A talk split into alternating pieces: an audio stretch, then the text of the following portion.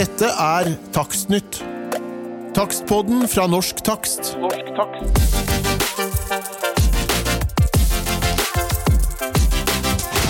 Velkommen til Takstnytt. Vi har ikke problemer med å finne temaer som takstforetakene og takstmennene er opptatt av. I dag skal vi snakke om noe som mange tenker på i disse dager, nemlig eh, Norsk Takst sin obligatoriske og kollektive ansvarsforsikring. Eh, forsikringen er eh, fornyet, eh, og vi skal snakke litt om fornyelsen og omstendighetene rundt det.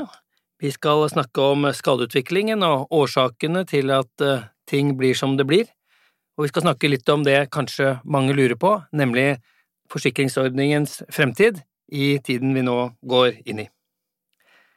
For å diskutere dette med meg, så er vi heldige at vi har med oss vår advokat Camilla Brekke. Camilla har lang fartstid innen forsikring, og er den som hos oss er ansvarlig for nettopp forsikringsordningen. Velkommen, Camilla. Takk. Så er det sånn, da, at uh, Norsk Takst har en kollektiv og obligatorisk ansvarsforsikring. Den gjelder for alle sertifiserte takstmenn, eh, og den er delt inn i litt forskjellige, på litt forskjellige måter etter hvilke sertifikatområder man arbeider innenfor. Eh, Forsikringspremien er, kan man si, siden den er, er kollektiv og obligatorisk, så er den langt på vei en slags fast avgift, men den skiller seg lite grann fra de andre avgiftene ved at vi ikke har så stor påvirkning på hva som er premien selv. Premien den følger eh, skadestatistikken, og den utvikler seg naturlig i takt med de totale skadeutbetalingene og hvor mange krav som fremmes mot takstforetakene. Eh, Vi har jo sett de siste årene at det særlig er selgerforsikringene, altså som kalt som eierskifteforsikring, som bretter eh, mange krav mot ordningen, som en slags regresskrav der de har måttet utbetale skadeoppgjør. Vi får også krav fra, fra andre, enten det er selskaper eller privatpersoner, men i hovedsak så er det eierskifteforsikringsselskapene som er kravstillerne. Så må vi jo si også at vi har vært inne over noen år nå, så har vi vært inne i en jevn negativ trend knyttet til skadeomfang og utbetalinger. Eh, og vi skal forsøke å, å forstå litt hvorfor det, det, ser, det ser, sånn, ser, sånn, ut. Og, og, Camilla, du har jo nå satt deg litt inn i, inn i hvordan tingene ser ut her, og, og, hva er ditt inntrykk sånn overordnet? Hva er, hva er grunnen til at vi får en negativ skadeutvikling? For det første så er vi jo inne i en tid hvor det er eh, rettsliggjøring. Og så har vi sett nå i løpet av et par år, med Høyesterett i spissen, at man eh, stiller profesjonsutøvere mer til ansvar. Er man profesjonsutøver, så må man være profesjonell. Og med rettsliggjøring så menes det rett og slett at flere områder i samfunnet blir underlagt juridisk behandling. Altså det er kortere vei til juridiske prosesser for å løse problemer. Ja, så takstmennene må regne med at det er en vedvarende trend, da, at det er mer søkelys mot takstmenn og eh, hva de gjør og eventuelle feil som de, kan, eh, som de kan gjøre. Som gjør at eh, det blir flere krav, og forsikringspremien øker. Og så Derfor så har vi jo sett da at avsetningene på forsikringen eh, øker, og da vil premien også øke. Og da blir det jo fristende å spørre hva som er annerledes enn før, og det er jo det vi bruker, prøver å bruke tid på å finne ut av. Vi ser jo at det er i større, større oftere eh, er det jo heller ikke noe teknisk verdiberegning eh, inne i disse rapportene, hvor det er vanskelig på en måte å, å si noe om eller å, å, ha noe generelt fradrag for de feilene man, man, finner. Tror du det kan ha noen sammenheng med, med at utbetalingen øker? At det rett og slett er overlatt til advokatene å krangle om erstatningsutbetalingene?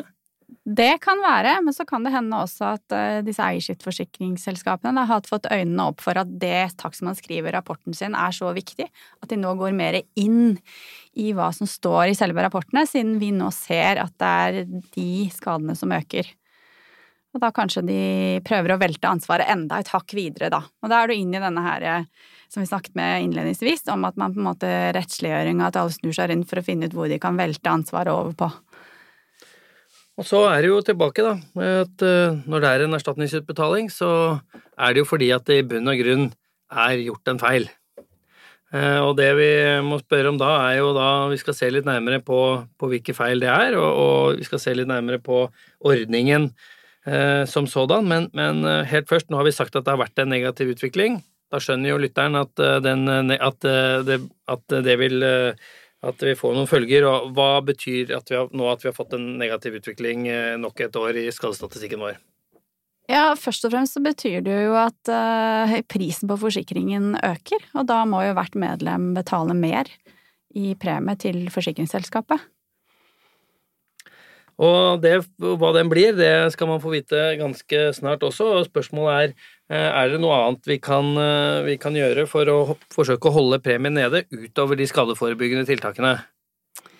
Ja, alle, alle, har jo en bil, så man vet jo det at hvis man velger en høyere egenandel på bilforsikringen, så, så får man en, en, lavere premie.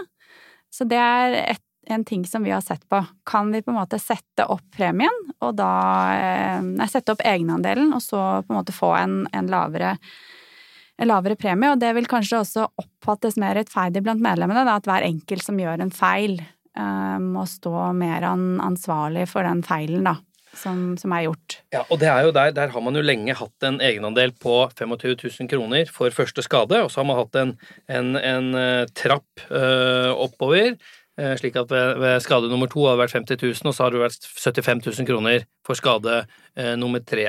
Eh, og så ser man jo det at eh, hvis man justerer på egenandelen, som da nå har stått stille i, fryktelig mange år, mens snittutbetalingene har gått opp, så ser man vel at man kan få et, hva skal jeg si, et, bunnfradrag da, som på en måte kan komme ordningen til gode eh, ved at man tar ut ganske mye av den premieøkningen eh, som er varslet, i en i en høyere egenandel. Ja, det stemmer. Og så blir jo spørsmålet da hvor mye egen risiko da skal hver takstmann ha. Hva er et greit nivå der?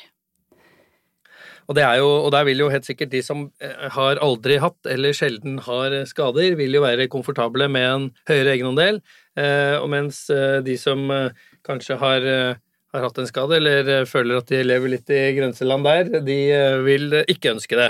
Nå er det litt sånn at den trappen Eh, som han har hatt, har jo, på en måte, kommer jo litt i anvendelse på, eh, på, de som man kaller gjengangerne. Og vi må være eh, åpne rundt det også, at vi har jo hatt en del gjengangere i de siste årene i, i ordningen her. Ja, det, det, jeg kan si noe om, er i hvert fall hva vi har sett på 2019-årgangene. Der har vi flere gjengangere enn vi ønsker oss. Så jeg tenker der må vi, der må vi gjøre noe. Da snakker vi mm. kanskje om tiltak rettet mot de som har flere skader. Høyere egenandel er jo en ting som er preventivt, men det er klart at hvis kvaliteten er for dårlig, så må den opp. Ja, det stemmer. Og da er vi over på neste punkt, da. Altså hvordan unngår man at man eh, får eh, krav? Altså man må ha, sørge for at man har riktige opplysninger i, i takstrapporten. Eh, jeg pleier å si det at du kan ikke som takstmann gi noen garanti hvis du ikke sjekker opplysningene dine, eller ikke skriver at det er, ehm, er, den som bestiller taksten, som har opplyst det, så, så, så, står du ansvarlig selv som takstmann når du skriver det. Så det er liksom to ord, da. Opplyser, eh, opplyser rekvirent, eller opplyser kunden bak. Så på en måte da er det noen andre som har gitt opplysningene, og ikke takstmannen. Det er utrolig viktig. Og så må man ta seg tid til å sende utkastet på rapporten og få den bekreftet med en OK på mail før man sender det. For å sikre at opplysningene gitt av selger, at, at de er mm. riktige, og at selger innestår for de? Mm. Ja. Og så var vi jo inne på at arealavvik på en måte ikke topper statistikken nå, eh, men eh, arealavvik er veldig viktig. Sørg for at man får ned det riktig, og lag en skisse, ikke stol på at du husker skriv ned når du er ute på, på, oppdrag. Og arealavvik er jo noe som vi, eller korrekte arealmålinger er vel noe som vi vil få mye fokus på eh, i årene som kommer. altså Nettopp fordi at nå at Stortinget har sagt at selger nå må oppgi arealene med langt større nøyaktighet enn det har vært eh, tidligere. Så har eh, Kommunaldepartementet i utkastet til forskrifter nå sagt at det skal være BRA som skal angis at det blir et enklere arealangivelse, men det blir krav til høyere presisjon. Og der er det vel viktig å ha et sterkt fokus fremover? Ja, det er viktig å ha et uh, fokus på arealmålingen. Det blir viktigere enn uh, noensinne. Men jeg tror også det å ha et, et, et arealbegrep å forholde seg til, og ikke P-rom og S-rom, vil gjøre at uh, forbruker ikke misforstår, da. Eller har vanskelig for å sammenligne. Så det er et fint fremskritt at vi får BTA nå. Det, det hender takstmenn spør meg at uh, når det er vanskelig å finne eller å få opplysninger, eller vanskelig å gjøre undersøkelser eller målinger eller hva det måtte være, fordi uh, og, og, du sier dette med å, generelt å kvalitetssikre opplysninger fra andre som riktige, men det er vel også noe med å skrive hva man har gjort, og også hva man eventuelt ikke fikk gjort i en sånn rapport? Ja, få inn uh, usikkerhetsmomentene hvis de er der, og så skriv forståelig sånn at man, man, forstår hva risikoen gjelder. Som et eksempel så kan man si du kan ikke skrive at det mangler skruer i klemringen i et sluk på et bad, fordi at det forstår ingen hvilken konsekvens det får. Da må du skrive at eh, det er ikke sikkert det er tett, mm. og det kan føre til eh, lekkasjer. Da vil en forbruker forstå det som står der.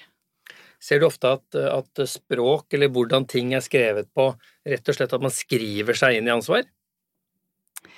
Ja, det er jo dette med at man ikke på en måte Man kanskje gir noen opplysninger som for takstmann som fagmann, da, sånn som jeg var inne på eksempelet nå. Eh, det på en måte sier noe, men forbrukeren som leser det, skjønner ikke Altså, mangler et par skruer, er ikke det bare å putte inn skruene? Nei, det er jo ikke det hvis klemmingen ikke passer til resten av, av sluket. Um, så det er jo det at forbrukeren skal forstå hva som står der, og det må vi, vi som er eh, profesjonsutøvere, vi må alltid sånn, streve etter å, å, gjøre ting forståelig, da. Riktig. Så hvis vi skal oppsummere, da, gi de eh, tre rådene litt i, i kortform? Ja. Det er eh, tillegg ord, opplys til kunden. Da gir du ingen garanti. Få alltid kunden til å bekrefte utkastet ditt på e-post skriftlig. Og utfør arealmålingene nøye. Da kommer du langt.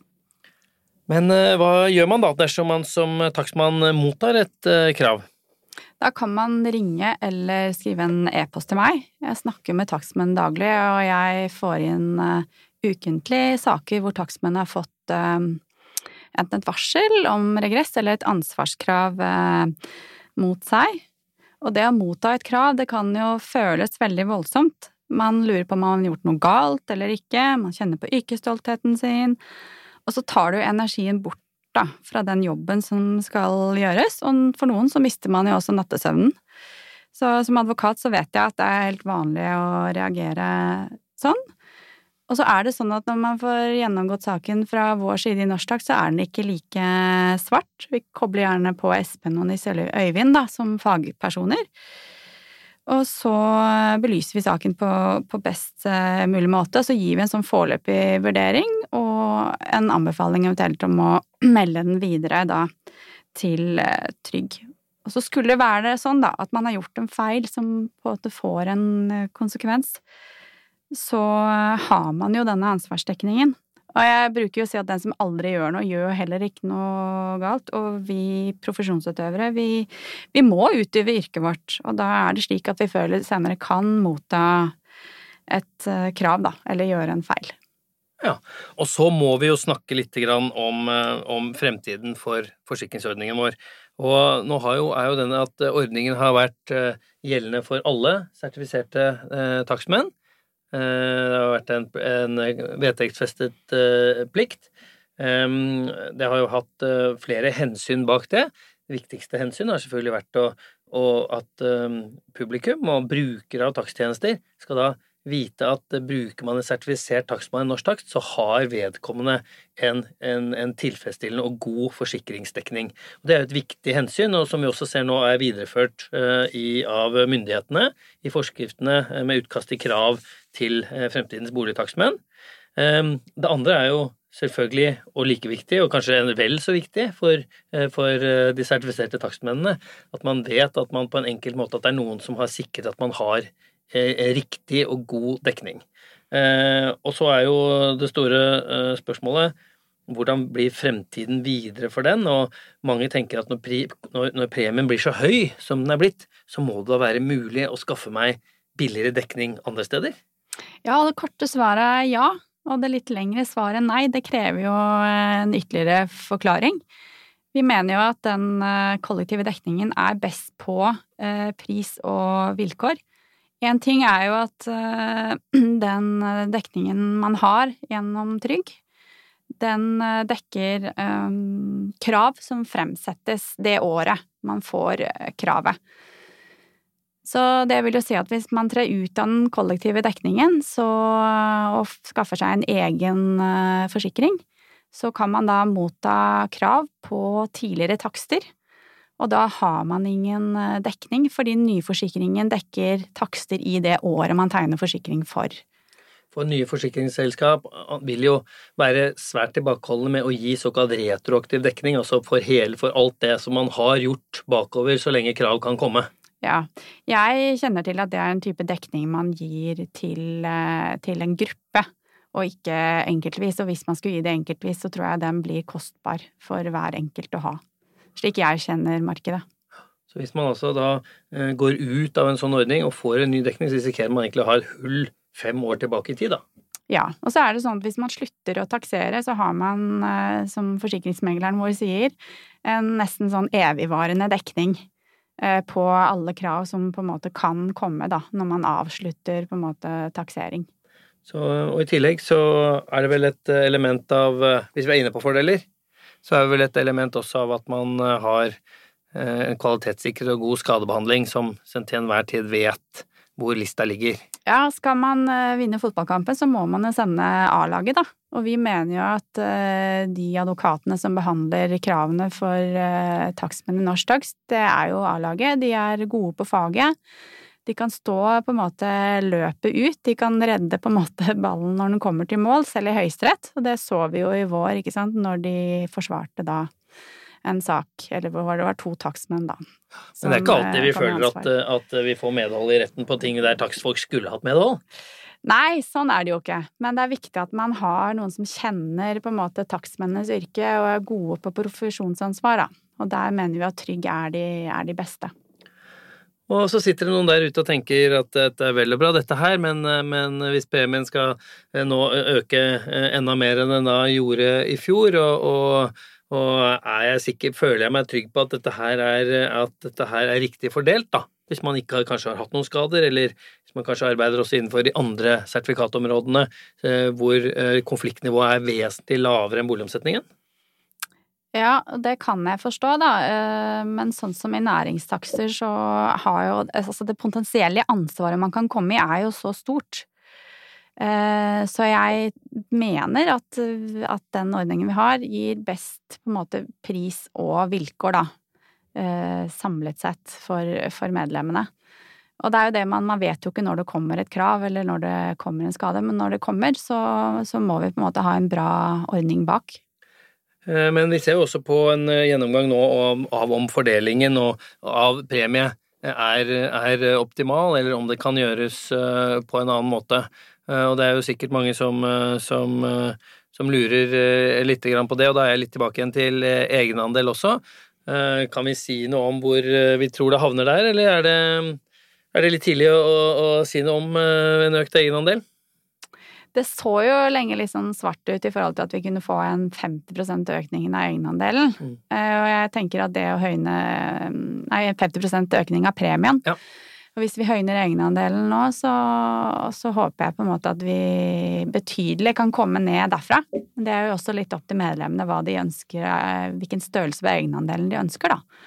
Skal vi sette den til 50 000, eller skal vi sette den til 75 000? Hvor mye egenrisiko skal hvert enkelt uh, medlem ha. Mm. Og det er vurderinger som eh, det til syvende og sist i denne omgang er hovedstyret som må ta på vegne av eh, medlemmene, og så kan vi vel allerede nå varsle at det blir en ny diskusjon om eh, forsikringsordningen på den kommende generalforsamlingen til våren. Nå har den vært oppe både to ganger de siste tre årene som, en egen sak, og da har, har jo generalforsamlingen hver gang valgt å beholde ordningen. Eh, nå ser, nå, nå ser, vi jo på flere alternativer, om, skal, om, det er mulig å opprettholde en kollektiv ordning uten å ha den obligatorisk, hvilke konsekvenser det vil få for ordningen. Eh, eh, om det er mulig å Eller om den rett og slett vi er på det et punkt der hvor man skal si at alle er pliktige til å ha en en skadeforsikring på visse vilkår, men de kan tegne den eh, hvor de vil.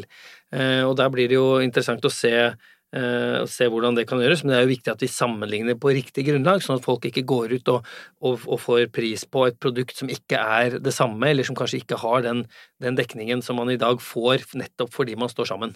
Ja, og sammenligne på samme grunnlag blir veldig vanskelig, for vi har sett noen eksempler hvor medlemmene kommer til oss og sier vi har fått tilbud på en billigere forsikring. Og så sier vi men det er ikke samme forsikring, du har ikke en retroaktiv dekning, så du får et stort hull, da. Hvor du kan risikere å få krav som du må dekke av egen lomme, og da er det ikke på tilsvarende vilkår. Da kan du heller ikke sammenligne prisen. Nettopp. Og så er det jo sånn at man kommer ikke unna at de, når alle er medlem av samme ordningen, så er jo risikoen som skal forsikres, den er jo nøyaktig summen av de kravene som kommer mot ordningen.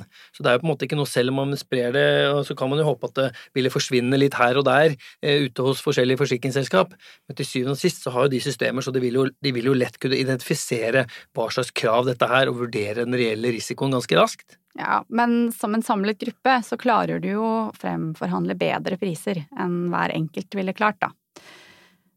Det er vel et sånt markedsgrunnprinsipp som vi kan si gjelder her også. Mm. Men det er jo viktig for oss å, å få vite litt kanskje om eh, hvilke tilbud og, og, og, og, alternative ordninger som medlemsforetakene blir tilbudt der ute, som man kan ta hensyn til også når vi jobber med dette. Ja, og det er derfor det er fint at vi har fått da, noen innspill fra medlemmer som mener at de har fått bedre pris da, fra andre steder. For da kan vi gå tilbake og, si at eh, du har ikke fått samme produkt. Dette er det på en måte som mangler her. Og så er det litt med dette også at uh, hva er takseringsvirksomhet, og hva er rådgivende ingeniørvirksomhet, og, og, det går jo noen grenser der også som man skal passe litt på, så man, at uh, man faller innenfor den virksomheten man faktisk driver. Ja, og hvis du får en forsikring som i forsikringssammenheng på en måte unnlater på en måte kontraktsansvaret ditt, så Ja. har du jo på en måte reelt sett egentlig ikke en dekning som dekker det ansvaret du kan få. Nei, og, Så, og hvilke andre mm. ting i vilkårene eller dekningsomfang er litt spesielt for, uh, for uh, vårt, uh, det forsikringsproduktet vi har i dag, da? Jeg nevnte jo dette her når du avslutter takseringsvirksomheten din, så har du jo en, en eh, dekning som virker eh, altså så lenge du måtte ha behov, da. Og så lenge det kan komme krav.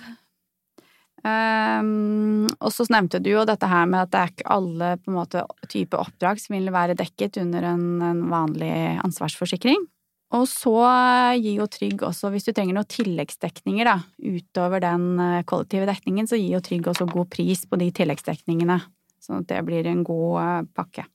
Ja, så um, i sum så tenker vi i hvert fall frem til nå at fordelene ved en kollektiv ordning har vært større enn uh, ulempen. Og så blir det jo en spennende diskusjon om, uh, om størrelsen på egenandel.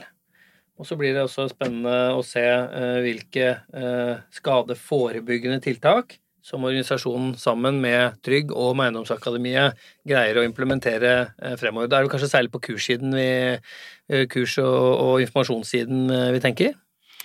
Ja, nå skal vi sette oss ned med, med Trygg og analysere litt nøyere for å vite hvilke konkrete tiltak vi, vi kan gjøre, for det er eh, viktig. Men vi var inne på at hver takstmann må være litt nøyere i den eh, jobben han eh, gjør. Og så må vi jo ut og treffe medlemmene der de er, og det er jo på etterutdanningen, tenker jeg. Å bevisstgjøre da der ja, hva man kan gjøre som takstmann. Så, så økt kvalitetssikring hos den enkelte, populært kalt mindre slurv, vil, eh, vil kunne gi en betydelig forbedring, sånn som når vi ser, leser statistikken nå. Ja, dessverre så ser vi mange saker hvor det er liksom kopierte fra en gammel takst, hang igjen, eh, tok meg ikke tid til å sjekke, eh, skrev det inn for det opplyser selger, men jeg skriver ikke at måte selger eller kunden opplyser dette. Så det er, som du sier, dessverre rene slurvefeil som kan få store konsekvenser. Og når vi snakker nå, så høres det ut som at eh, det er tusenvis av feil som, som gjøres, men, men eh, det er jo også en, eh, det er jo tankekors når vi ser, og det har litt kanskje med, med kravenes størrelse og, og kanskje størrelse på denne, denne yrkesgruppen generelt, men vi ser jo en, en, at vi gjør vel omtrent bortimot 200 000 eh, takstrapporter i våre systemer eh, årlig. Og hvor mange krav er det? Ja, i 2019 så fikk Trygg meldt inn 222 eh, saker, og skade, altså utviklingen av antall saker som blir meldt, er jo på riktig vei. Um, sånn at, og det er jo ikke alle, der, alle sakene der som ender i en erstatningsutbetaling. Så i forhold til hvor mange takster som blir levert, så tenker jeg at risikoen eh, er, er Den er det den er. Ja. Ja. Og det er jo litt sånn Mm. at, at eh, 222 saker eh, på eh, 180 200 000 eh, rapporter, det er jo ikke mye. Men 220 saker på 1535 takstmenn, eller, eller hva det nå var ved inngangen til eh, fjoråret, eh, da blir det jo plutselig eh, et større tall. Mm. Som skal dekkes inn ved forsikringspremie, eh, uansett Mm. hvordan man organiserer den, da. Ja, så vi er nødt til å tenke skadeforebyggende fremover.